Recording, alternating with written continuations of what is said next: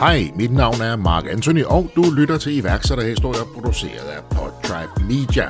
Podtribe Media producerer i øvrigt også Lykkefix med Mette Blok og i daglige motivationsboost 10 i 8. Så hvis du trænger til nogle tips og tricks og et godt skud motivation, så tune ind på den. Du finder det hele der, hvor du allerede lytter til podcasts.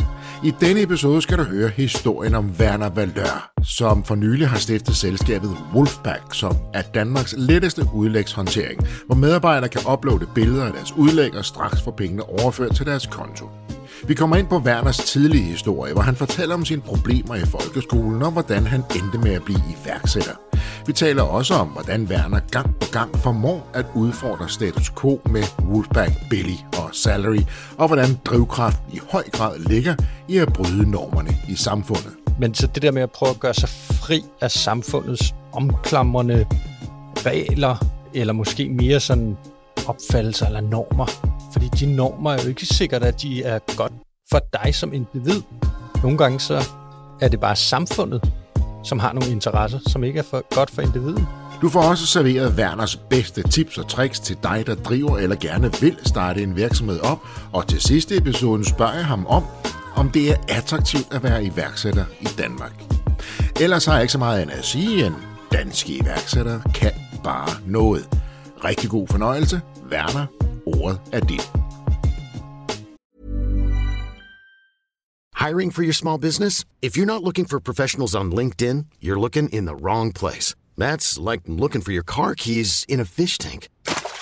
LinkedIn helps you hire professionals you can't find anywhere else, even those who aren't actively searching for a new job but might be open to the perfect role. In a given month, over 70% of LinkedIn users don't even visit other leading job sites. So start looking in the right place. With LinkedIn, you can hire professionals like a professional. Post your free job on linkedin.com slash achieve today. Jamen, øh, oprindeligt hed jeg egentlig Toge Kruse, skiftede navn til Werner Valør under coronakrisen. Jeg har skrevet 10 bøger om iværksætteri. Jeg har solgt seks selskaber. Jeg har altså lavet seks exits, hvor jeg selv har stiftet virksomhederne.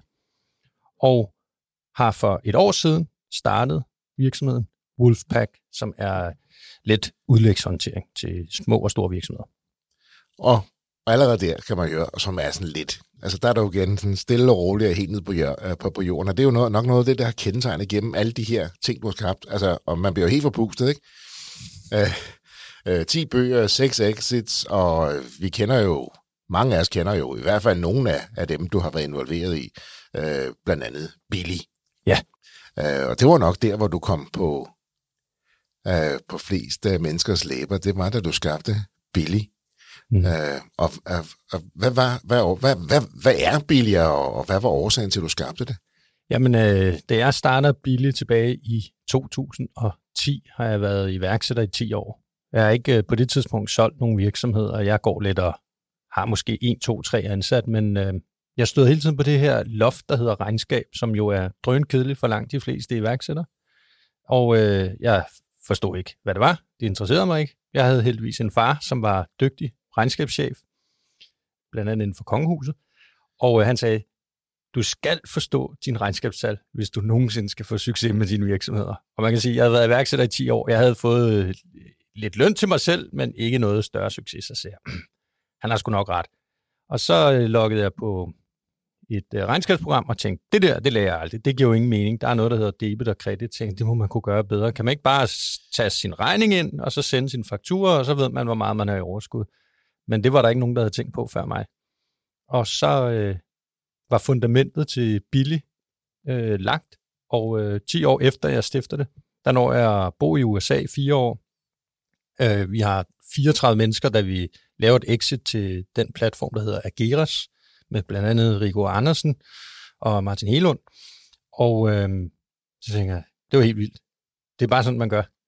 Og øh, yeah. i, i forlængelse af det, så har jeg så solgt en masse andre virksomheder, og, og det er bare blevet min, mit fokus i virkeligheden, det er at få en god idé, eller tage andres øh, produkter og gøre dem markant bedre. Prøve at sætte brugeren i centrum, det er det allervigtigste, og det gjorde vi også med Billy. Så vi sagde, nu laver vi et regnskabsprogram til iværksættere, som gerne vil kunne sende deres fakturer selv og tage deres egen regninger. Og øh, selvom du siger, at som du selv beskriver, da du sad med det, du har været iværksætter i 10 år, du synes, at det her var lidt besværligt, det, det var ikke til at forstå, og ja, det var nødvendigt, der var kedeligt. Så, så har du hele tiden fokuseret på, altså fintech har jo egentlig været det, du har kastet over til trods for din holdning til det, så jeg tænkte, det må være stolt, altså i forhold til, hvad du har skabt, for det har været, ligesom været inden for det, Ja. øh, du hele tiden har fokuseret, hvordan kan man gøre de her ting nemmere, de her vigtige, nødvendige, øh, lovpligtige ting, hvordan kan man gøre det nemmere, så man kan fokusere på det, man er bedste, og det, man selv synes er sjovest. Ja. Hvor, altså, udover det, du lige siger her, hvad er det, hvordan, hvordan lærer man så det, der skal til? Fordi du siger, at du selv, okay, din far, han var regnskabschef for kongehuset, men du synes, det var kedeligt, at så tænkte, det er begrebet, hvad er lige forskellen er på det? Og så går du ind og skaber en af de største succeser inden for, for, for, for bogholderi i regnskabsføring i Danmark.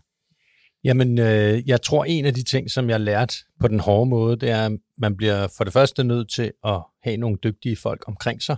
Og det kan måske lyde lidt som en kliché, men det er virkelig en af de primære årsager til at lykkes. Det har jeg været enormt dygtig og flittig til at trække de rigtige talenter og få dem i spil.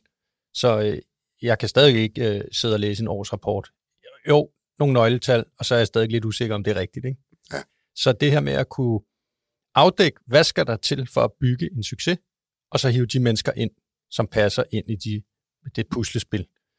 Og øh, så har jeg nok en evne til at tiltrække øh, øh, opmærksomhed. Nogle gange er det positiv opmærksomhed, nogle gange er det negativ opmærksomhed, men jeg siger tingene, som de er, og er direkte i min kommunikation. Så hvis jeg mangler nogle udviklere, så laver jeg et opslag på min LinkedIn. Øh, og det hjælper selvfølgelig, at jeg har haft de succeser, som jeg har haft, så derfor har jeg måske et større netværk end de fleste.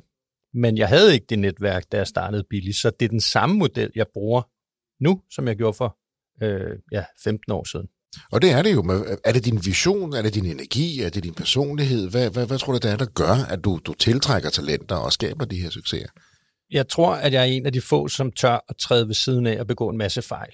Og bare sige, oh, kunne det ikke være sjovt at lave et regnskabsprogram med en bøde mand med store briller og sådan lidt øh, tegneserie-event øh, eller rammer, og så øh, møde en branche, som er virkelig 1, 2, 3 og 2 ja. plus 2 giver 4. Øh, og gøre det og sige, jamen det her, det er ikke målrettet til de traditionelle brugere. Det er sådan nogen som mig selv, andre iværksættere. Hvordan kan man gøre det mere spændende? Så jeg tror, det, det er nok den der kreativitet, som jeg har, men jeg har også en kommersiel forståelse. Så, så kombinationen af kreativitet, tør at gøre noget andet, og så kommercialisere det. Fordi man kan jo godt have en rigtig god idé, og så er der ingen, der kender til den.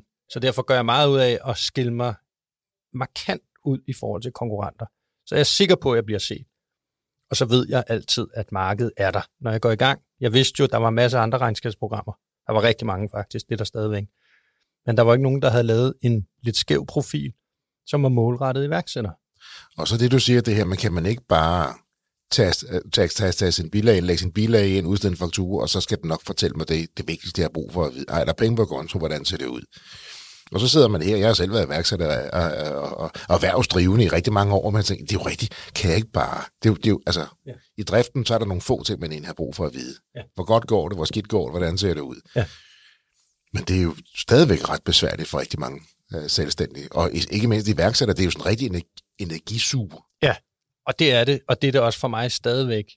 Men det her, som har min fars kloge ord, at man bliver nødt til at have en lille smule indsigt i, hvor, som minimum, hvor mange penge er der på kontoen, hvor lang tid kan vi øh, køre uden kassen er tom, eller hvor mange penge tjener vi egentlig, hver gang vi sælger noget. Så, så der ligger en eller anden naturlig interesse for de fleste iværksættere. Hvis de gerne vil have den frihed, som iværksætteri også giver, så bliver man også nødt til at sætte sig ind i minimalt, om man tjener penge. Ja. Eller i så fald, hvis man tager penge, hvornår skal man bruge nogle flere penge? Det er mere, hvis man er iværksætter, man også rejser penge, eller man får investorer udefra. Præcis. Hvad er din rejse øh, starter jo langt før det her. Du, øh, ja, sjov nok gik du i skole. Det gør man jo i Danmark. Men, men, men som du sagde, du, du, startede, du startede i bunden af folkeskolen, synes jeg, der var nogenlunde sådan, du formulerede det. Og du lærte egentlig først at gå i skole i gymnasiet. Jamen, øh, altså da jeg gik i folkeskolen, der forstod jeg ikke helt, hvorfor jeg var der, hvis jeg skal være sådan helt ærlig og tænker tilbage. Jeg kunne ikke forstå, hvorfor skulle jeg lære engelsk? Vi bor i Danmark. Der taler man ikke engelsk. Og det gjorde man slet ikke før. Ja, hvor meget? 33 år siden, da jeg startede i folkeskolen. Så jeg, jeg vidste ikke helt, det var, det var som om, jeg var havnet på den forkerte hylde. Men når det så galt sløjt eller spillet rundbold, og jeg var altså ikke særlig stor øh, dengang, men jeg var en af de tre bedste til rundbold. Det var mega sjovt. Jeg kunne øh, lege og hygge mig og forbedre mig og løbe hurtigt og ramme en bold, og det var der bare ikke så mange andre, der kunne. Øh, så der var min interesse bare, hvis der er noget, jeg gerne vil, jeg synes, det er sjovt, og jeg kan se et formål med det. Og jeg kunne ikke se noget formål med at gå i folkeskolen. Øh, men der var masser af frikvarter, så jeg kom ligesom igennem det. Men øh, da jeg så startede øh, til de første eksamener i folkeskolen og skulle slutte af, der fik jeg jo et kæmpe chok af at sidde og skulle holde sig ansvarlig for alt det, man burde have lært, men som jeg i hvert fald ikke havde lært. Øh, så der fik jeg sådan et, det, det var sådan en granatschok, og så havde jeg heldigvis min øh, fars søster, som var dansklærer og engelsklærer, og havde været i folkeskolesystemet lang tid, så der er jo nogle systemer, du skal vide, hvordan man præsenterer ting. Og sådan. Så det er nok, gud, det har jeg aldrig fået at vide, eller det har i hvert fald ikke sat, sat sig fast. Og så derfra, så skete der bare sådan, okay, jeg kan faktisk godt finde ud af at gå i skole, og formålet er rimelig klart. Det kunne jo være, at jeg skulle rejse til et fremmed land på et tidspunkt. Så i gymnasiet, der satte jeg mig op på første række, læste alle de lektier, der skulle være, og havde sådan et princip, række fingeren op i alle timer, mindst en gang.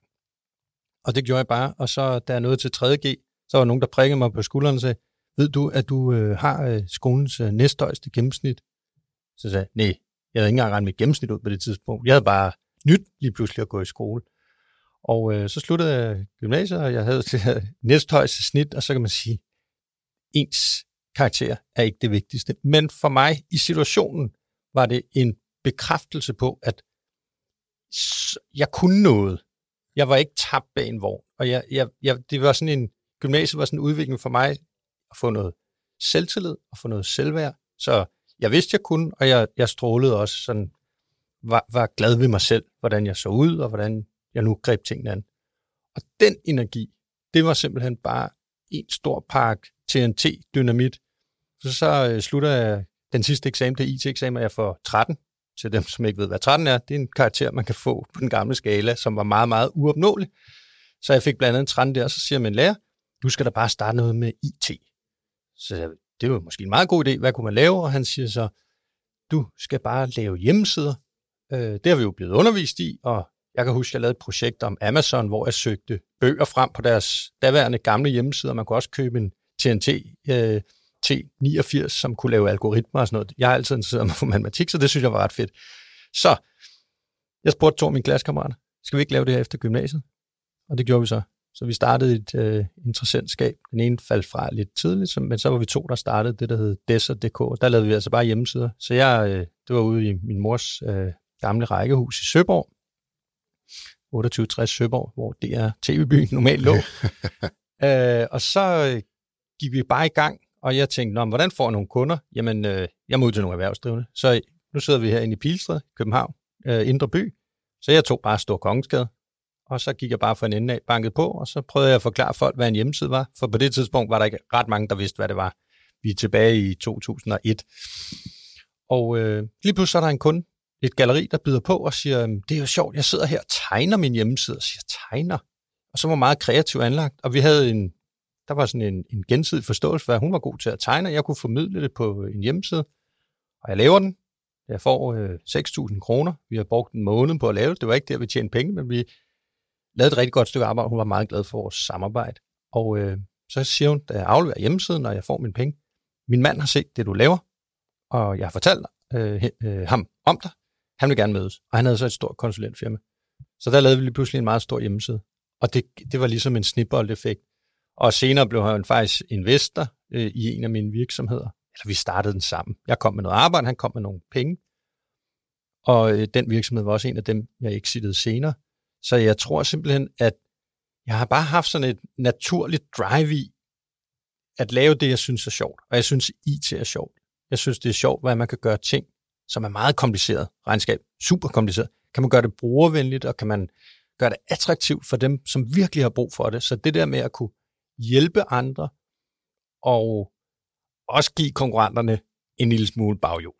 Det synes jeg også er sjovt. Men det, der er lidt konkurrencemenneske i det. Jamen, det gør vel heller ikke noget undervejs. Plus er du inde i sådan at at rock the boat lidt, ikke? Altså, det, det er jo også vigtigt nogle gange, altså lige at ryste lidt, altså hvordan et regnskabsprogram, altså hvis der var ikke nogen som dig, der var inde og ryste den branche, hvad havde vi andre så siddet og tæske i stadigvæk den dag i dag, ikke?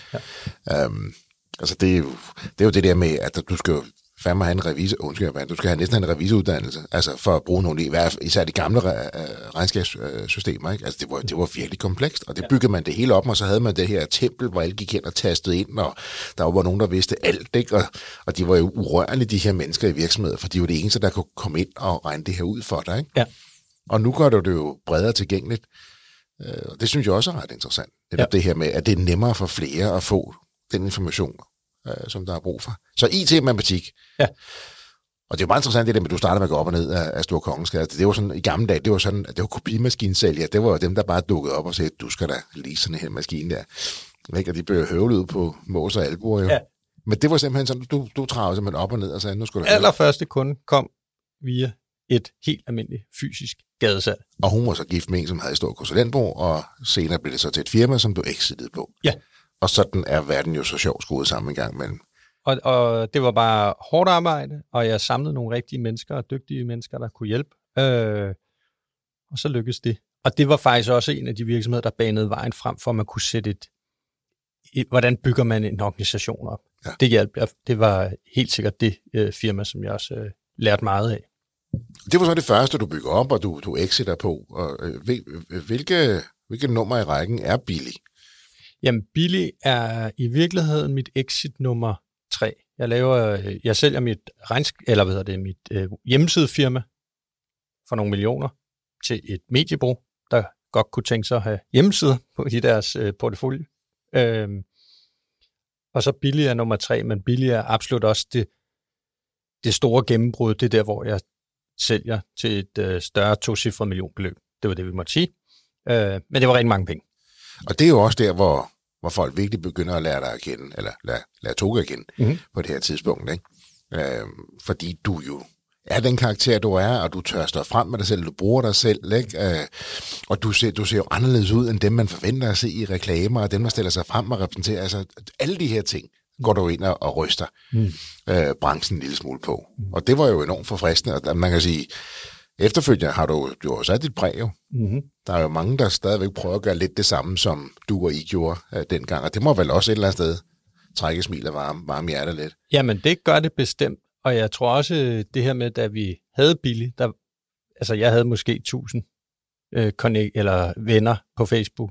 Øh, vores nærmeste konkurrent havde måske 30.000. Altså ja, der var jo ikke nogen, der vidste, hvem jeg var, så vi sådan sad og grublede over, hvad, hvad skal der til, og jeg tænkte bare stort jamen øh, TV2-reklamer må det være der, hvor vi kommer ud til flest danskere på kortest tid. Og jo, hvis det er dyrt, men hvis det virker, gør det jo ikke noget.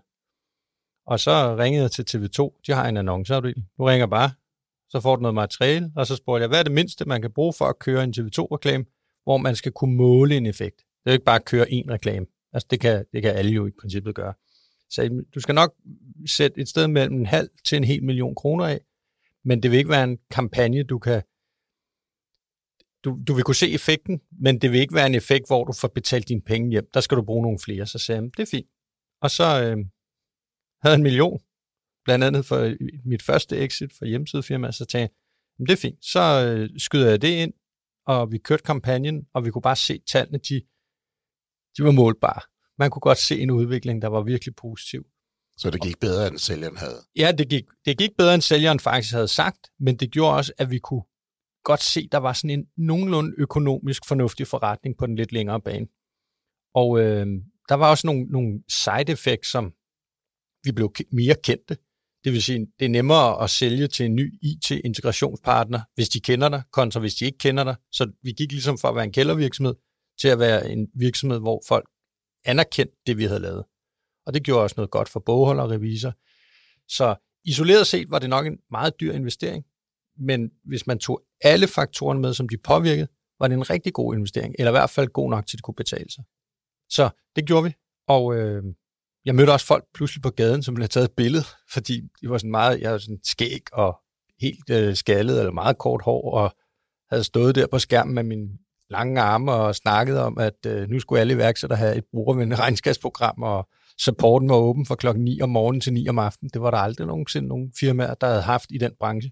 Og i dag, så er det markedsstandard. Du er åben fra morgen til aften. Ja. Det er på grund af mit team og mig. Og når du sidder og ramser op noget, så sidder man og tænker på, ja, selvfølgelig. Men, men det er jo netop det der, altså den gode idé, det er jo den der, hvor man bagefter, hvor andre slår sig på panden og siger, nå ja, det er jo det, der, der gør den gode idé, kan man sige. Ikke? Ja. Og, og, og nu i dag, så tænker man ja, selvfølgelig, men, men det, det var jo ikke en selvfølgelighed dengang. Nej, det skulle være nemt, det skulle være tilgængeligt, det måtte godt være lidt, lidt, lidt sjovt og lidt nede på jorden. Det var der jo heller ikke nogen, der har gjort før. Og så skal vi være tilgængelige, når folk bruger vores system. Ja. Altså, det vil sige også om aftenen. Ja. For det er jo også det iværksætter, hvornår er det, de har tid til at sætte sig ned og kigge på de her tal? Ja, det er jo ikke i løbet af dagen, vel? Nej. Nej. Og, det, og det, var, det var et kæmpe gennembrud, og det var i øvrigt også, da vi så solgte billigt tilbage i 2019. Det var jo også noget af det, de købte. De købte jo et af Danmarks stærkeste brand i kategorien iværksætter regnskabsprogram. Ja. Regnskabsprogram til de mindre virksomheder. Det der med at ture og satse, og der var også nogen, der... Jeg rejste til USA fire år, mens vi byggede billigt, også i USA, som jeg også lavede et exit på til en helt anden virksomhed. Vi havde delt virksomheden om. Øhm, men der var mange, der sagde, at det er så rejst til USA. Hvad nu, hvis ikke det går? Hvad nu, hvis ikke du får succes i USA? Så simpelthen, jamen altså, nu har jeg købt en enkelt billet den ene vej. Jeg tror også, jeg kan købe en enkelt billet den anden vej. Ja. Jamen, du har jo ikke nogen lejlighed at komme hjem til, og alle dine ting har du solgt. Så siger jeg, ja, så kan jeg købe nogle nye ting. Altså, jeg kan godt købe en ny sofa og en stol. Jeg kan gå ud i IKEA. Men, men der er sådan et loft, og det ved jeg ikke, om det er. Det er nok primært en dansk kultur, og så er det måske ligger lidt i mennesket. Men jeg er ikke bange for at fejle. Jeg er ikke bange for at blive til grin. Jeg er ikke bange for at udtrykke mig, som jeg mener det. Og så får man rigtig mange venner, og så nogle gange får man også nogle uvenner af det. Øh, eller nogen, som synes, man er, hvad ved jeg. Ja. Så det er det der med, med, med at ture og kaste ud i frit fald et eller andet sted engang, ja. men at ture begå den fejl og stille sig frem, ja. og så korrigere. Og det er jo også en af de ting, som du brænder meget for, at ville give videre til den danske ungdom, det her med, med, med at ture mm. øh, og skubbe på øh, netop det. Og det, det gør du jo her, så siger du, så kommer jeg hjem igen.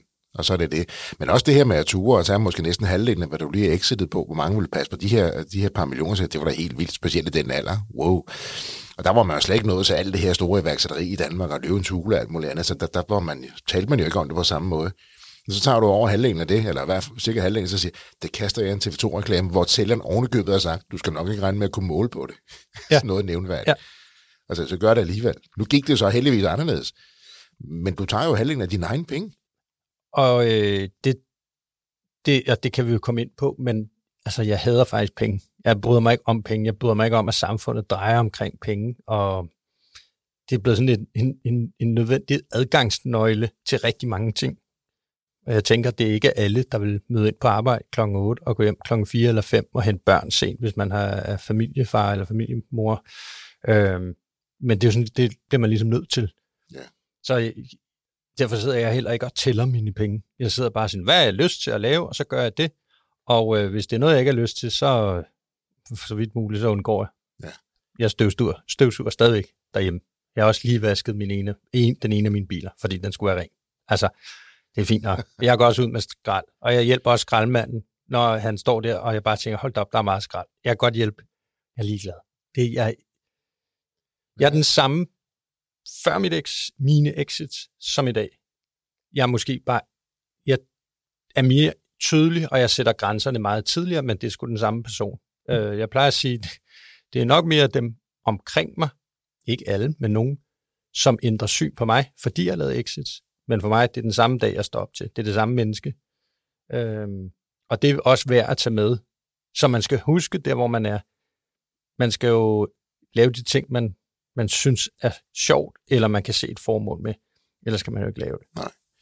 Og netop det der, du siger, folk ændrer syn på dig, så siger du kan jo blive ved med at være sammen, men, men når man nu er blevet kendt, og når man nu, og nu, når nu er blevet kendt, at man har skabt succes og tjent mange penge, så er det jo nogle gange svært at styre folks syn på dig. Så selvom man jo virkelig er den samme og gør rigtig meget ud af at være den samme, og, og synes, jeg er jo ikke den samme, så vil folks syn bare ændre sig på dig. Fordi ja. nu er du kendt, nu har du tjent mange penge, så sker der et eller andet. Ja. Og, og det skal man jo også takle et eller andet sted, ikke? Eller, eller kunne, kunne børste af sig og sige, at det ligger hos dem, det ligger ikke hos mig. Og det er måske noget, jeg faktisk har levet efter i mange, mange år. Ikke, øh, jeg er jo efter gymnasiet, i gymnasiet, det der med ikke at være optaget af, hvad andre synes om en selv. For som du også selv siger, Mark, det kan du ikke styre. Du kan gøre alt, hvad du vil, men når dagen om, du kan ikke bestemme det. Så det der med at, at gøre sig fri af andres meninger, øh, gøre sig fri af, om man får 10 likes eller ingen likes, er ikke vigtigt. Mm. Hvis det, du lægger op, du synes, det er fedt, så gør det. Øh, det er klart, hvis det er, en, hvis det er et kommersielt opslag, så er det jo nedtur at lægge op, om man ingen likes får. Men sådan på den personlige front, så må man jo gøre noget andet. Øh, men hvis det er på den personlige front, ikke være optaget af, hvad andre synes om en. Det er bedøvende lige meget. Og det du er inde på før netop det her, du er egentlig ked af, at penge er blevet så stort et omdrejningspunkt, men nu er det så det, altså det der driver os, det vi måler rigtig mange ting på. Men netop at du har et andet fokus, og jeg vil ønske, det var anderledes, er det en af årsagerne til, at du har skabt så mange succeser? Fordi det ikke, for dig har det ikke været det, det handlede om. Jamen, det tror jeg faktisk. Altså, mit omdrejningspunkt, det er, og, og vil nok altid være, frihed. Det er det begreb, som bedst beskriver mig og øh, mit drive. Det er, jo mere fri jeg kan være, og der bliver man desværre mere fri ved at have flere penge eller mange penge. Man er ikke lige så optaget af, om mælken koster 69 eller 69 øre, 6,5 eller om den koster 10 kroner, eller om strømmen koster det dobbelte, selvom det selvfølgelig er irriterende. Øh, men så det der med at prøve at gøre sig fri af samfundets omklamrende øh, regler, øh, eller måske mere sådan opfattelser eller normer, fordi de normer er jo ikke sikkert, at de er godt for dig som individ. Det har jeg brugt de sidste par år på at tænke meget over. Det her med, at nogle gange så er det bare samfundet, som har nogle interesser, som ikke er for, godt for individet. Og det kan være, øh, hvorfor er det, at man skal sende sine børn i vuggestue eller børnehave, når de er tre måneder gamle eller seks måneder gamle det er jo ikke noget, som er godt for vores børn. Nu har vi så haft muligheden, og det er tilbage til friheden, så min øh, søde kæreste Ellen har været hjemme med vores øh, datter, som er to år, og hun kommer nu her i vuggestue slash børnehave om et halvt år. Så hun har været hjemme i over to år. Det har helt sikkert været bedst for hende, men samfundet vil nok gerne have, at Ellen var ude og arbejde og ikke brugt tid med vores børn. Og det er der masser af eksempler på. Gudskelov, så er der kommet lidt mere luft i mange folks familiers økonomi, selvom nu er det lidt presset lige pt, men jeg kan se, at der er mange af mine kolleger, som vælger at arbejde 25 timer, og måske endda arbejde hjemmefra, så de har lidt mere tid til arbejdet, men omvendt også mere tid til familien. Så der er jo et lille skift, men det er jo, samfundet vil nok gerne have, at der var flere, der arbejdede. Fordi det er ligesom hænder og fødder, og jo mere produktiv vi kan være, så jo bedre er det. Men, men nu siger jeg men, fordi det, er det fordi, at vi også har en tendens til at fokusere på mængden af arbejde mere end værdien af arbejde? Altså det vil sige, altså så mere må være bedre. Ja, ja, ja det, er jo, det er jo en klassiker, som jeg altid øh, er mod, eller ofte er modstander af, det her med, okay, så vi skal bare arbejde nogle flere timer. Jamen, hvis ikke du er effektiv i de timer. Øh, folk spørger hvor mange timer arbejder du? Da jeg var ung, og da jeg byggede billigt og flyttede til USA, der arbejdede vi fra morgen til sen aften, og det gjorde vi i flere år. Men det gjorde vi, fordi vi, vi kunne simpelthen ikke lade være, og vi ville bare have succes, og vi havde ikke nogen børn eller noget, vi havde ikke nogen forpligtelser, og så gav vi en gas i weekenden med at gik ud og havde det sjovt. Men ja, jeg, jeg, jeg tror, at det er... Ja, vi har drevet noget andet jo. Ja. Altså, selv der handler det jo ikke om penge, det handler om at være sjov, det handler om at gøre en forskel og slå. Hvad var det, hvad var det, han sagde, uh, Steve Jobs, I want to put a ding in the universe. Var det ikke det, han egentlig jo. sagde, da han startede uh, Apple i sin tid? Altså, og den, den synes jeg stadigvæk står så skarpt. Og, og det var jo også det, det gjorde. Altså, I ville gerne lige lave en lille ding i noget her, og det var jo det, der drev jeg i høj grad. Ja. Og det her med mere, altså, hvis jeg lige, nu kommer jeg lige til at lave et lille shout-out for en af vores andre podcasts, som hedder 10 i 8, som handler om motivation. Uh, mm. Men der er en af episoderne her, der, der, der taler jeg netop også om, at, at, at flere ressourcer er ikke altid svaret. Mm. Ja, nogle gange er flere ressourcer jo det, der slår kreativiteten ihjel. Men vi har en tendens til herhjemme at, at, at, at sige, at vi skal bare have nogle flere hænder. Ja. Og som jeg plejer at sige, det nytter, hvis et fodboldhold ikke spiller godt, så hjælper det ikke, at du sætter 22 mand på banen. Præcis. Jamen, det er en god analogi. Og det er sådan lidt det, du også, eller ikke det, det er meget det, du taler ind i her, så siger, hvordan får vi så de her 11 til at elske spil og spille bedre, have lyst til at udvikle sig? Og så kan vi sige, okay, vil det være en god idé så at putte 12 på nu, for nu spiller vi virkelig ja. godt. Eller viste det sig egentlig, det var faktisk, vi kunne godt klare os med de her 11. Ikke? Ja. Men jeg synes bare, at nogle gange vi har en tendens til at sige, det må flere hænder. Ja. Det må være svaret på alt. Ikke? Og så går, de, det, går de i vejen for hinanden. Ja, men det er jo det samme. Højere skat. Altså, vi skal have flere penge til det offentlige. Vi, vi kunne også bare være, at vi skulle blive mere effektive. Åh, oh, skal vi så løbe hurtigere? Nej, det skal gøres anderledes. Men den er jo svær, ikke? Og den hører vi jo. Nogen siger det, men de færreste gør det, og det, det er bare et virkelig ømt punkt, og det har det været så langt tilbage, jeg kan huske. Ja ja, det har det jo, og det er jo fordi strukturerne er så indgroet. Altså, så det er jo ikke noget, bare en øh, person kan lave om på. Men det, er, øh, det, det lyder jo meget logisk. Men det du så gør med de ting, du har, du har skabt og udviklet, solgt og Wolfpack også nu her, altså, jeg, jeg, jeg, elsker, jeg elsker jo uh, den her måde, du ligesom for, forklarer det på, at med, med Wolfpack, det er sådan et sted, man kan tæske sin bilag ind, som du skriver. Altså, ja. Og alene der, altså, der er no corporate lingo, der er ikke noget som helst, det, det handler bare om at tæske noget ind, så du kan få noget frihed til noget andet. Ja. Uh, og, og den, den jordforbindelse har du jo stadigvæk, selv nu.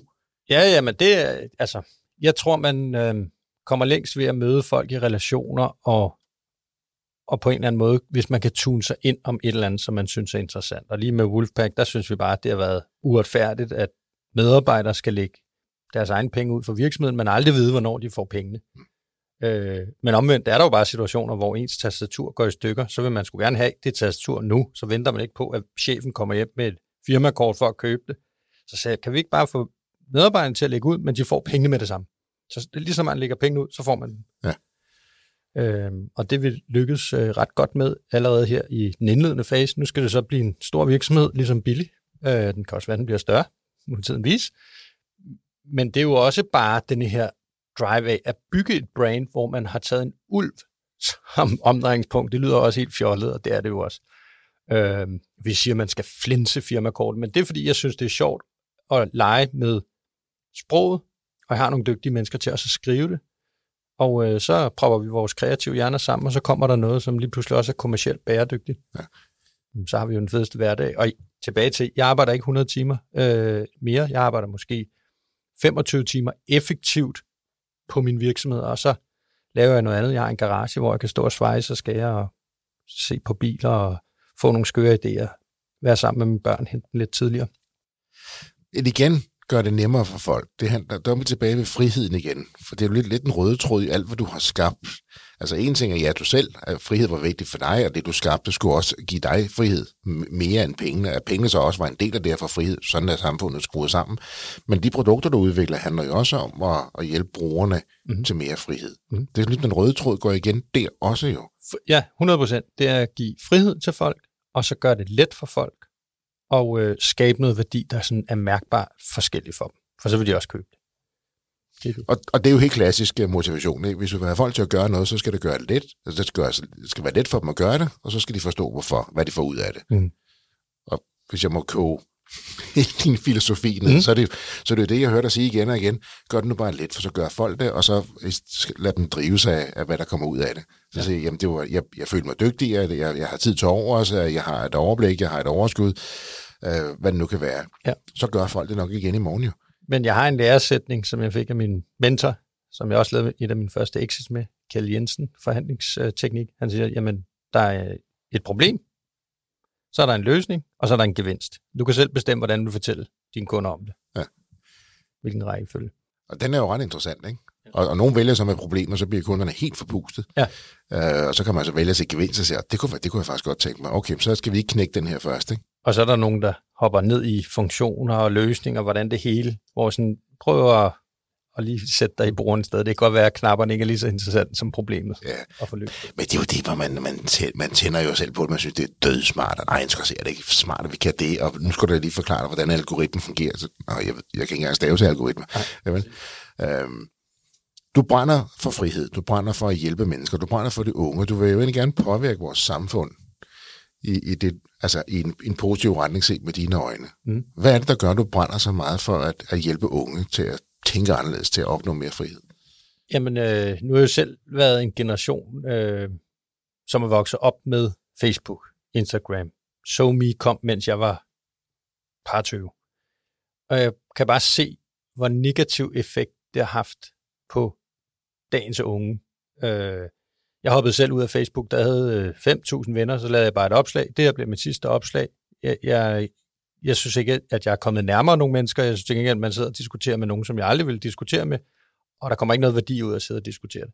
Så jeg hoppede tidligt ud af Facebook. Nu er jeg kun på LinkedIn under Werner Valør, og I kan også connecte med mig der. Men øh, det, jeg sådan er bekymret for, det er netop, at man er meget optaget af, hvad andre synes om en. Og det ligger jo ligesom i den her mandealgoritme, der er opfundet, øh, hvor man ligesom fremhæver, jo flere likes, jo, jo, jo flere øh, Øh, visninger får du. Og, og det er jo, at så skal du lægge noget interessant op, men det kan godt være sådan, som du er, ikke er interessant for masserne. Jeg plejer også at sige, at jeg er ikke for masserne, jeg er for en, en mere snæver gruppe mennesker, som synes, det er mega fedt, det jeg laver. Og så er der mange, der, der ikke sådan måske synes, det er så interessant at regnskabsprogram måske, eller ikke, eller udlægsorientering. Så det er heller ikke sådan et mainstream øh, netværk, jeg har. Det er sådan meget i fintech og regnskab. Øh, men jeg er bekymret over for de unge mennesker, som jo, der er mange, der mistrives, øh, eller er meget optaget af, hvad andre synes om dem. Og det her med, hvis bare jeg kan sådan hjælpe dem en lille smule til at løsrive sig for, hvad andre synes om en. Man skal stadig opføre sig ordentligt. Man skal ikke være ligeglad med andre. Øh, så vil det gøre en stor forskel. Og jeg, jeg har selv været en af de her børn. Nu sagde du jo selv i folkeskolen, og jeg kom fra bunden. Jeg var blandt de tre dårligste, og det kan, kan jeg da se tilbage på og se, hvor lavt selvværd jeg havde. Jeg troede sgu ikke, jeg var noget værd. Og jeg troede ikke, jeg kunne finde ud af noget. Så selvværd, det der selvtillid. Jeg tror ikke, jeg kan ramme bolden. Selvværd, jeg er ikke et godt menneske. Øh, og der skulle jeg helt til gymnasiet, det er alligevel 10 år, hvor jeg gudskelov ikke var så moden, så jeg tænkte ikke så meget over det. Jeg var da ked af det, jeg blev også øh, drillet øh, og, og mobbet. Det gør man heller ikke lige så meget i dag. Men det har sat sin klare spor, at man skal virkelig respektere individet i den der følelsesmæssig situation, de kan være i, når de er meget optaget af, hvad andre synes om dem. Så der, hvis man kan løsrive folk så og sige, jeg er ligeglad, hvad andre synes, jeg gør det her, fordi jeg synes, det er sjovt, så er man rigtig langt. Øhm, og så skal man øh, heller ikke være for fin til at yde noget service og tage arbejdshandskerne på og ikke tro, man kan blive serviceret i hovedet og røv. Man skal ud og gøre noget og bruge sine hænder. Og der kan jeg så også se, at de unge har jo taget meget til sig. Og det er jo, nu generaliserer jeg. Det gør det lidt nemmere at tale om. Øh, der er jo også undtagelser. Men det her med, at man forventer meget af andre, og fordi de unge har fået så meget information fra internettet, så er der en tendens til, at man ved lidt bedre end andre. Men det, som mange unge glemmer, det er, at de har ikke den erfaring. Og erfaring, det kan du ikke øh, læse dig til. Du skal ud og mærke det på din egen krop. Så jeg tror også, på de, på de unge skuldre hviler der også et eller andet ansvar, hvor man bliver nødt til at anerkende og respektere de ældre. Og jeg snakker ikke om folk, der sidder på plejehjem. Bare dem, som er ældre eller har lidt mere erfaring. Fordi noget, som jeg mærker for mig selv, det er, når jeg arbejder med nogen, som er 10 år yngre end mig, de har så mange gode idéer, og de øh, skaber en masse værdi. Men nogle gange er de idéer bare ikke så gode mm. i virkeligheden, for jeg har prøvet dem selv. Så den der ping-pong, der kan de helt unge altså lære noget af dem, som har mere erfaring, erfaring, og dem, som har mere erfaring, kan lære noget af de unge på de, på de nye medier, eller de nye måder at gøre tingene. Så jeg tror, det er meget vigtigt, at man, man ser sig selv som en holistisk gruppe, i stedet for, at det bliver sådan to øh, skyttegrave, ikke? Og det her med at så styrke de unge, både i den her selvrensagelse, så hører at du er også nødt til at steppe op en gang mellem selv, og, ja. og rulle ærmerne op, og en gang med, så, så skal du have beskidt negl, sådan er det. Og der kan man sige, der er der nogen, der siger, at det, det skal det måske blive lidt bedre til. Samtidig også det her med at styrke dem i selvværd mm. øh, og selvtillid, fordi der, der, der er også et hul der, kan man sige. 100 procent. Hvad, hvad, hvad gør du? Altså, hvordan, hvordan skubber du på med dit virke? Nu har du jo et reach, som er ret stor, kan man sige. Du har et navn, du har skal man sige, nogle muskler, der kan, der kan rykke noget. Hvad, hvordan bruger du så det?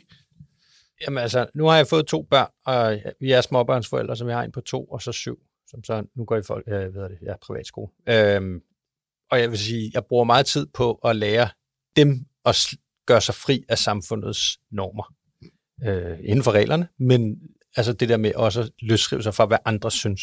Nu min søn, han har langt hår, bliver han kaldt, ah, om du, du ligner også en pige, og så siger man, søn, ja, øh, der er ikke forskel på hårlængde, hvilket køn man er, men og hvad så?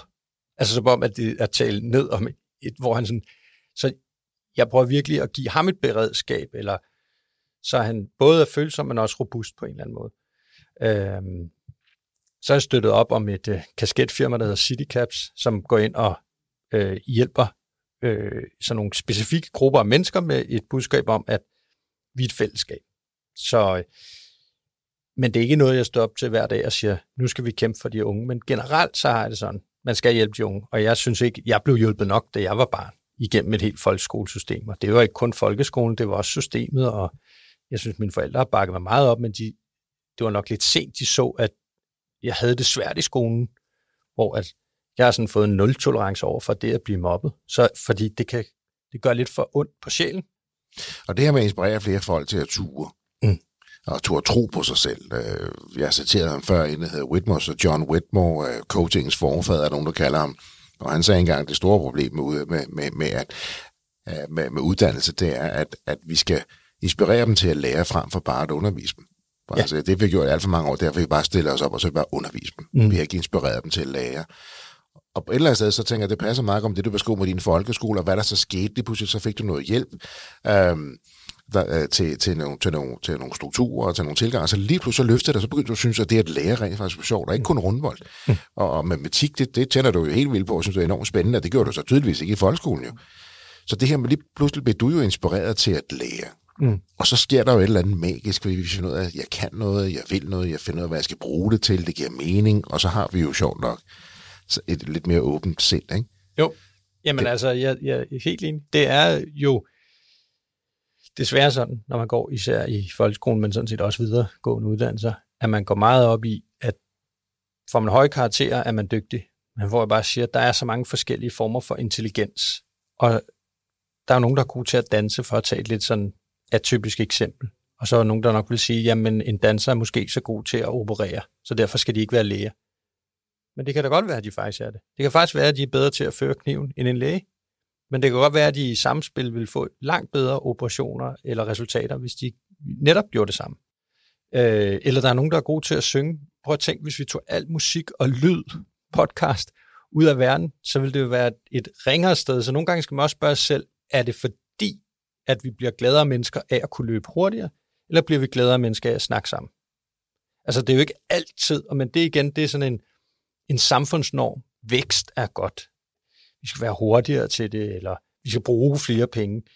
Men nogle gange kan det jo være, at formålet er, at vi bare skal have det godt, og vi skal have det sjovt. Og så kan det godt være, at vi ikke tjener lige så mange penge, men vi har et meget bedre liv. Så jeg tror, vi er nået derhen, hvor vi også har et økonomisk overskud til at kunne gøre det. For jeg tror ikke, at det er alle steder i verden, hvor man siger, vi er ligeglade med pengene, hvis man stadig ikke render rundt med vand på hovedet for at kunne øh, slukke tørsten. Nej.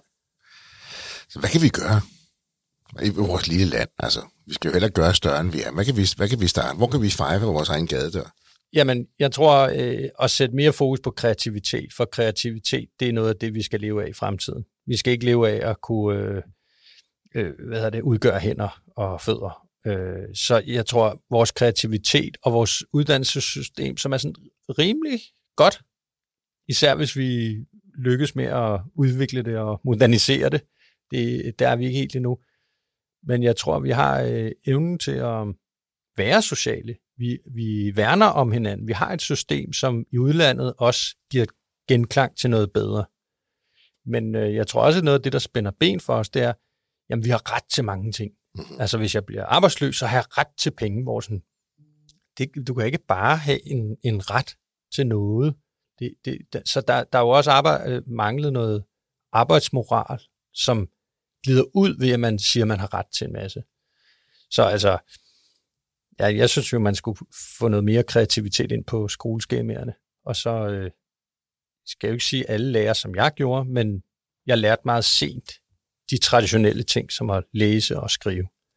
Øh, matematik var sådan, det kom bare lettere til mig. Og være åben for, at det heller ikke handler om, hvor mange timer vores børn går i skole.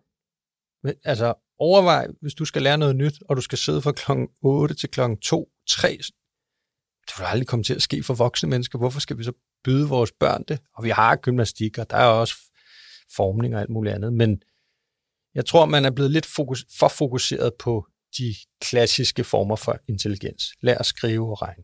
Stadigvæk. Stadigvæk. Dag, dag, Så det kunne vi godt gøre et opbrud med. Vil det også øh, skubbe på i forhold til dansk iværksætteri, dansk iværksætterliv, at vi gjorde mere det? Vi ser heldigvis mange af de ting, der kommer fra dansk iværksætter. Det, det peger jo heldigvis den retning. Ikke? Mm. Øh, men vil det hjælpe der også? Jamen, det tror jeg. Altså, det kan man jo se. Der, nu er der jo kommet nogle af de her iværksættere, i hvert fald de sidste 10 år, som fandt ud af, at man kunne købe billige ting på Alibaba, og så sælge det lidt dyre i Danmark. Men det marked blev ret hurtigt udtømt, for lige pludselig kan alle gøre det. Så hvis du skal kunne gøre noget, skal du gøre noget, som andre ikke kan. Ja. Så jeg taler altid ind i, at man skal have en, en kompetence, der hedder, at man skal være unik, og det må man så finde ud af, hvad kan man selv, så man er bedre til end gennemsnittet af andre iværksættere. Så det er altid sådan et spørgsmål, også når jeg guider andre folk eller mentor dem. Prøv lige at tænke, hvad er det, et, der interesserer dig, og hvor er du bedre end gennemsnittet? Er der et forretningsområde, som du kan bruge den viden eller det, du har der, så skal du gøre det. Og hvis ikke du har dækker hele kompetencefeltet, som man typisk ikke gør, så team op med nogen, som gør. Og der er vi tilbage i din model også. Altså hele tiden være god til at tiltrække de dygtige. Altså, og der, hvor du ikke er, enten der, hvor du ikke brænder for det, eller synes, det er sjovt, eller, eller har kompetencen, men vær god til at tiltrække, og vær ikke bange for at tiltrække og dele ud af det, mm. man skaber sammen. Okay. Um, at det, I Danmark, det, det, det er let at blive iværksætter i Danmark. Mm. Synes du også, det er let at være iværksætter i Danmark? Nej, altså det er jo let at blive. Man kan bare få et CVR-nummer. Du kan faktisk også starte uden et CVR-nummer. Øh, så det er jo let nok. Men det at være iværksætter, der har man ikke de samme rettigheder. Man kan ikke stille de samme krav, som hvis man går den mere klassiske vej, man får et, et, man bliver ansat og så videre. Og øh, hvis man gerne vil have flere iværksættere i Danmark, så burde man jo gøre det mere attraktivt at være iværksætter. Og så øh, er vi lige kommet igennem en øh, covid-19-krise, ikke? hvor man tænker, iværksætter, jeg har set flere virksomheder, som er lukket, hvor jeg siger, vi blev påduttet og lukke vores virksomhed. For at overleve skulle vi låne penge af staten, og nu skal vi også betale pengene tilbage hurtigere, end vi kan nå at tjene dem. Men vi vil faktisk gerne betale dem tilbage. Men vi vil ikke bruge fem eller ti år af vores liv. Øh, og vi ved heller ikke, at vores virksomhed kan bære det. Så vil vi hellere lukke virksomheden. Og jeg tænker, der er vi altså igen sådan et medarbejderland, hvor jeg bare tænker, der må man skulle sige, det var staten, der lukkede ned, det var staten, der fjernede nogle paragrafer, der gjorde, at man ikke kunne få erstatning, osv. osv. Der må de inde på borgen klemme ballerne sammen og sige, den er hos os. Og så der, så tænker jeg, så vil det være nogle danskere, jeg har selv været i dialog med en masse, så siger, sådan er det at være iværksætter. Og det kan ikke være rigtigt, det er os, der skal betale jeres regning, og nu har I også fået al den her hjælp. Ja. Er, er det fordi, at den brede danske befolkning ikke helt, altså fordi vi er blevet det her lønmodtagersamfund, som du siger, at vi ikke forstår, hvad det vil sige at være iværksætter, for meget det kræver, hvor meget man risikerer. 1000 procent. Jeg er ret overbevist om, nu bliver det så generaliserende for hele Danmarks befolkning, som ikke er iværksætter, men størstedelen af danskere forstår ikke, hvad det vil sige ikke at være garanteret en løn næste måned. Nej. Det gør de ikke. Hvad vil det sige? De kan jo bare prøve at lave et tankeeksempel. Hvad sker der, hvis du ikke er garanteret din løn om 30 dage? Jeg tror, der er rimelig mange, jeg undskyld sproget, der vil skide i bukserne. Mm. Og det er jo det liv, iværksætter har. Og man lærer at leve med det.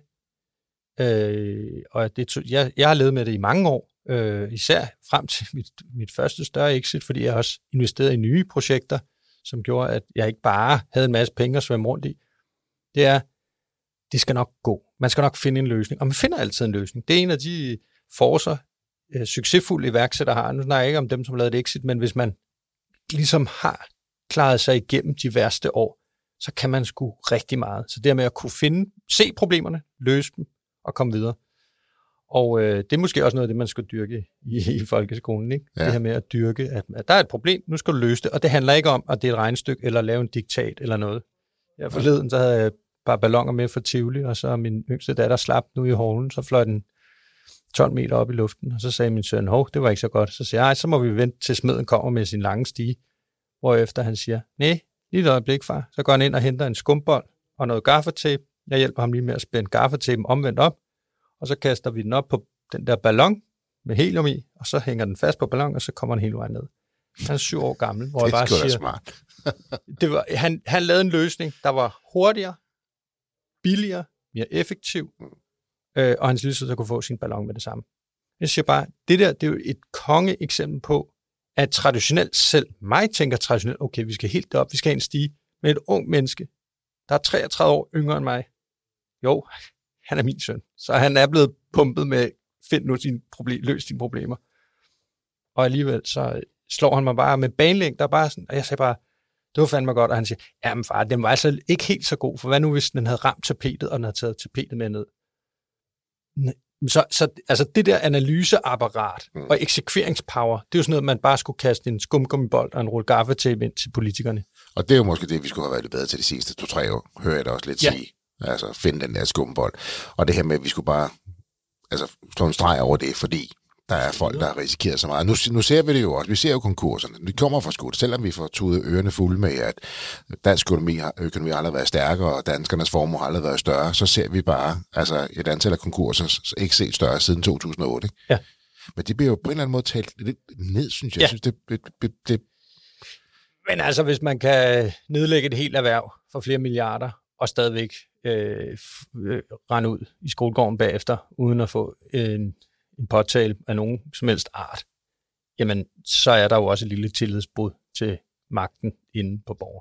Så det og i øvrigt også en kæmpe fejl. Men det, Men når man så hører en dansker sige, jamen, sådan er det at være selvstændig. Du, du har også mulighed for at tjene mange penge, og så, sådan er det bare. Så, sådan er det. Hvad- Hvad, gør man med sådan et argument? Jamen altså, for mig har det været sådan, jeg er ikke født med en guldske i munden, så jeg har jo været nede og låne penge, så har jeg tjent nogle penge, så har jeg investeret dem. Så det jeg har som den person, som du øh, simulerer, øh, ved, ved jo ikke, hvad det vil sige at løbe den risiko. Så øh, jeg er også blevet skudt i skoen, folk siger, oh, hvorfor skulle, øh, hvorfor, du får bare hele gevinsten. Til, altså jeg har faktisk medarbejderoption, og jeg har tilbudt mange medarbejdere at købe sig ind i virksomheden på nogle virkelig attraktive vilkår, men det har de valgt ikke at gøre. De har hellere vil have deres faste høje løn. Så, så der ligger jo også en, nogle valg i, at jeg er nået dertil, hvor jeg har gjort. Ja. Øh, og jeg mener også, der skal være plads til alle. Det er ikke alle, der skal være iværksættere, fordi det er heller ikke alle, der kan leve med den uvidshed, der følger med at være iværksætter. Men derfor skal der også være en større og en øh, respekt over for iværksætter at sige, det er rimelig vildt at satse sin tid og sin, øh, den risiko, der er ved, at det ikke lykkes. Og når det så lykkes, man skal bare give med et ordentligt high five, fordi de går ud. Jeg går ud, jeg har startet over 20 virksomheder. Jeg har investeret mange, mange millioner i alle mulige startups. Og det er jo skabt nogle arbejdspladser til dem, som ikke nødvendigvis har lyst til at løbe den risiko. Så de kommer igen. Altså, Og det er det, du siger, fordi de her, dem som foretrækker at være lønmodtager, de skal være lønmodtagere et sted, og de kan jo trods alt, selvom nogen vil synes, at de prøver på det, jo ikke alle sammen være ansat i det offentlige. Mm. Fordi pengene skal jo trods alt også i sidste ende komme et eller andet private. sted fra. Ikke? Ja. Og det er jo bare sådan, vores samfund er skruet sammen. Det er jo fint nok, der er ikke noget vej med det offentlige, der er bestemt heller noget vej med det private. Vi skal bare forstå, hvordan hænger samfundet sammen. Mm. Men der, der oplever jeg måske lidt en polarisering, ikke mindst her efter corona, at vi er blevet sådan mere todelte i Danmark. 100 procent. Jamen, det har totalt polariseret samfundet. Og det forstår man jo godt, når man som offentlig ansat har fået de virkelig gode arbejdsvilkår igennem to år, som er det stik modsatte for iværksættere. Og derfor så synes jeg også, det vil være på sin plads at rydde op i det show, som politikerne skabte. Og det var en- desværre en stor del af vores politikere, der har været med til det. Og tage det på egen kappe. Og så øh, igen, de skal nok komme op igen, de iværksætter. Vi ser bare mange konkurser lige nu her, eller folk, der simpelthen bare nulstiller, og så starter de op igen, fordi de kan ikke se sig ud af det her på nogen som helst måde. Så altså, vi er op med at tabe en gevaldig masse penge alligevel jo. Ja, ja, nu så jeg her for 14 dage siden, der var det Gorms Pizza, Ja. ja. der lukkede. Altså så for den, den ansatte, som ikke arbejder for dem, men sidder i det offentlige, så er der bare en mindre god pizza at spise Ja. på grund af covid-19. Og, og han siger det jo højt. Og, og han, siger, han siger jo selv, at det er den, medvær- den absolut største årsag, det er til det her skatte- og momslån, og han kunne slet ikke. Ja. Fordi for hver krone, man, man, man, man tjener, skal du jo faktisk betale næsten hele kronen Ja. I afvikling og moms og nye moms ja. og alt muligt andet. Ikke? Ja. Ja. ja, den kan vi nok ikke lige løse her i dag, Werner, men, øh, men lidt, lidt bredere forståelse, kan man sige. Det er fedt, at folk tør, at det, vi har brug for en modige danske iværksættere, og netop det her, skal, det, det, det ligger bag os, så det skal vi ikke fokusere på, men det, som jeg hørte dig sige lidt, vi kunne godt skabe lidt bedre vilkår for, ikke at blive, men for, det er nemt at blive, men for at være iværksætter i Danmark. Uh, her hos mig og på redaktionen synes vi også, at iværksætter er jo faktisk der- hverdagens helte, fordi det er jo dem, der tør risikere alt. Ja. Um, for at skabe noget stort, ikke? Ja. Uh, og det synes jeg ellers dengang, man også skal huske at anerkende. Ja, 100 procent. Under corona, ganske kort, hvis du har lyst til at tale om det, så vælger du at, at ændre navn, efter du er blevet landskendt i ind- og udland, øh, ikke bare på dine firmaer, øh, som du har skabt, ikke mindst billigt, men, men, men også med dit navn, fordi du har valgt at bruge dig selv og dit ansigt og dit navn. Ja. Hvad får dig til at ændre navn der?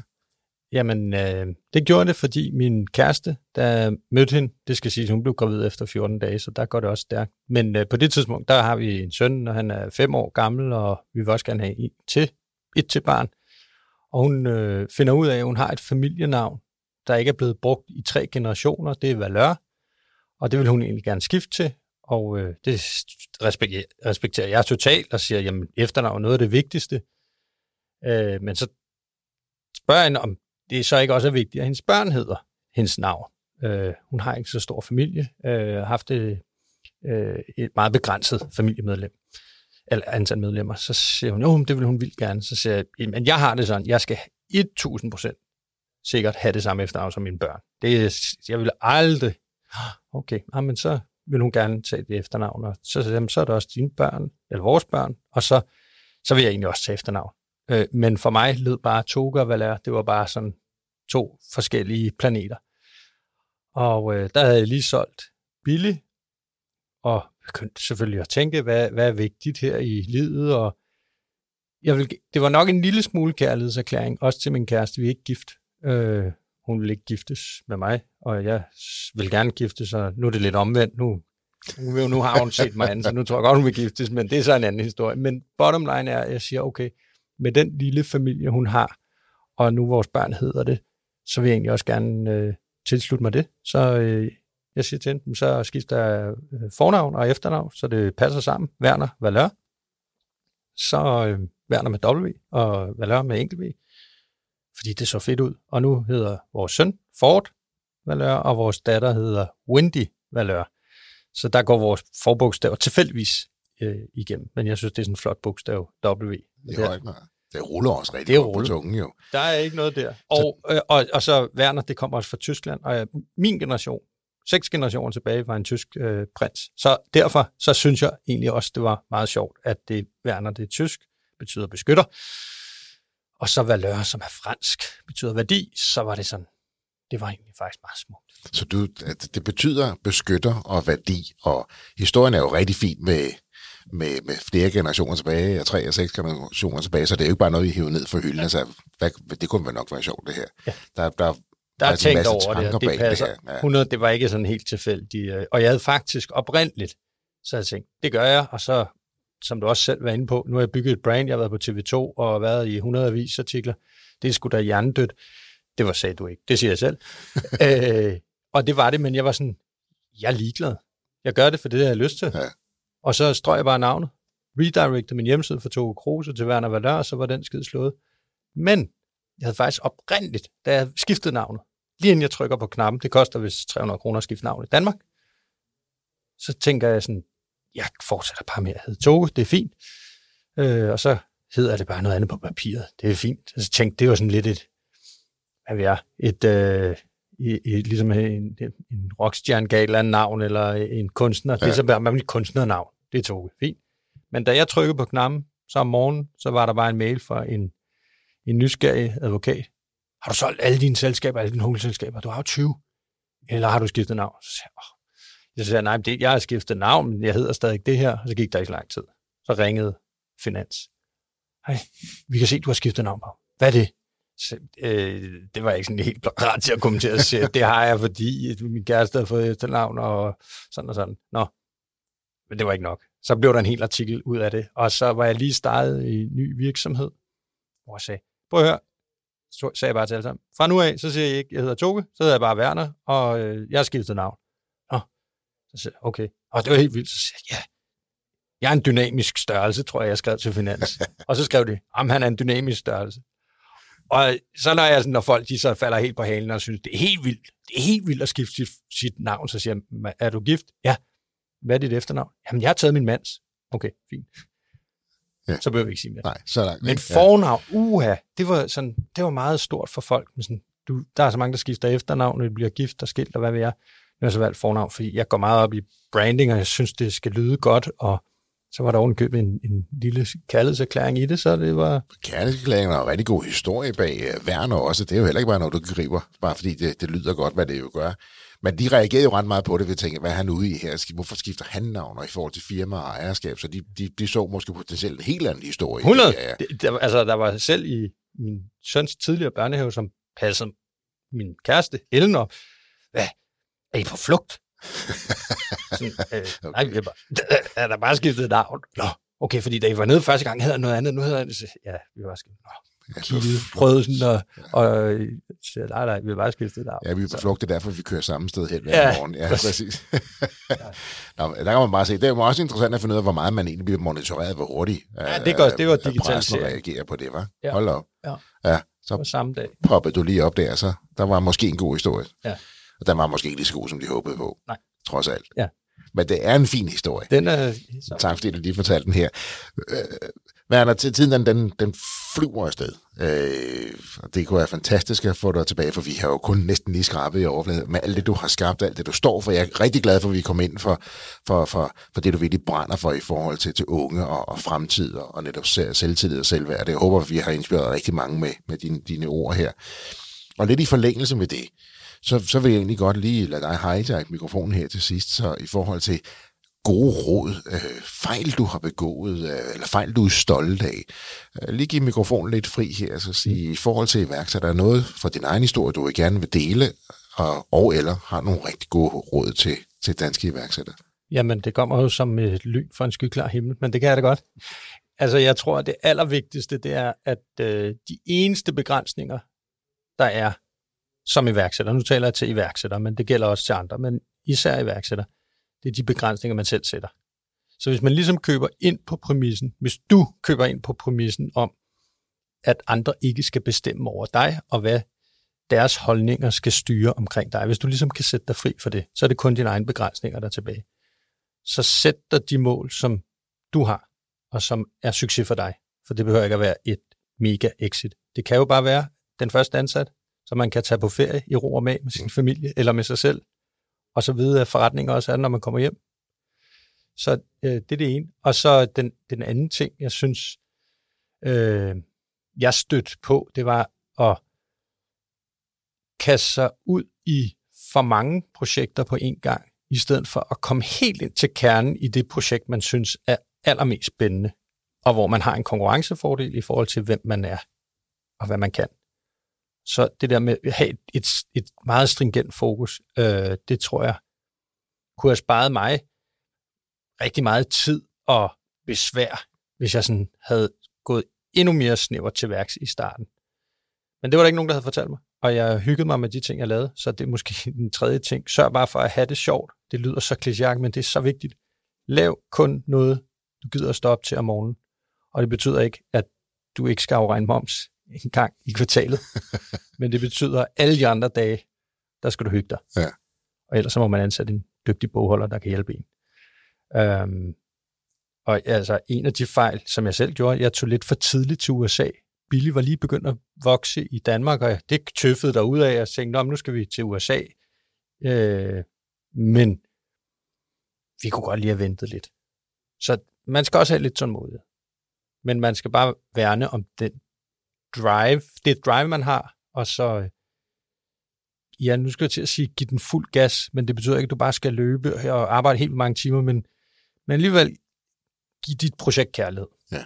Det, det er vigtigt. Så kommer der noget godt ud af det, og lad være at være for meget optaget af konkurrenterne, men sørg for, at der er nogle konkurrenter i dit marked, så du ved, at der er nogen, der har en business der, hvor du er. Så gør det du bare selv nemmere. Og lad være at opfinde den dybe tallerken. Hvis konkurrenten har lavet så bare lav det lidt bedre. Og på, lige som afsluttende kommentar kan jeg da se, at vores største konkurrent har da rimelig meget planket alt det, vi lige har lavet. Og de har alligevel været på markedet en del år. Så gør du nok noget, der er så, så gør man det nok rigtigt, når konkurrenterne begynder at planke ind i frem, ikke? Og, og, og kommer til at låne ja. med tekster og så videre, ikke? Ja. ja. Werner Valør, jeg vil slet ikke gå ind og kommentere på, på din guldkorn her til sidst. De skal have lov til at stå helt for sig selv knivskarpt her til sidst. Det har været en forrygende time. Tak fordi du tog dig tid til at være med i iværksætterhistorien. Selv tak. Skulle du være en anden gang. Det var historien om Werner Valør. Hvis du også har en iværksætterhistorie, som du brænder for at fortælle, så hop ind på vores hjemmeside og send os en mail, hvor du kort beskriver din virksomhed. Og så er det måske dig, vi kontakter. Ellers har jeg ikke mere at sige i dag, end danske iværksættere kan bare noget. Tusind tak, fordi du lyttede med. Kan du have en rigtig god dag, til vi lyttes ved næste gang.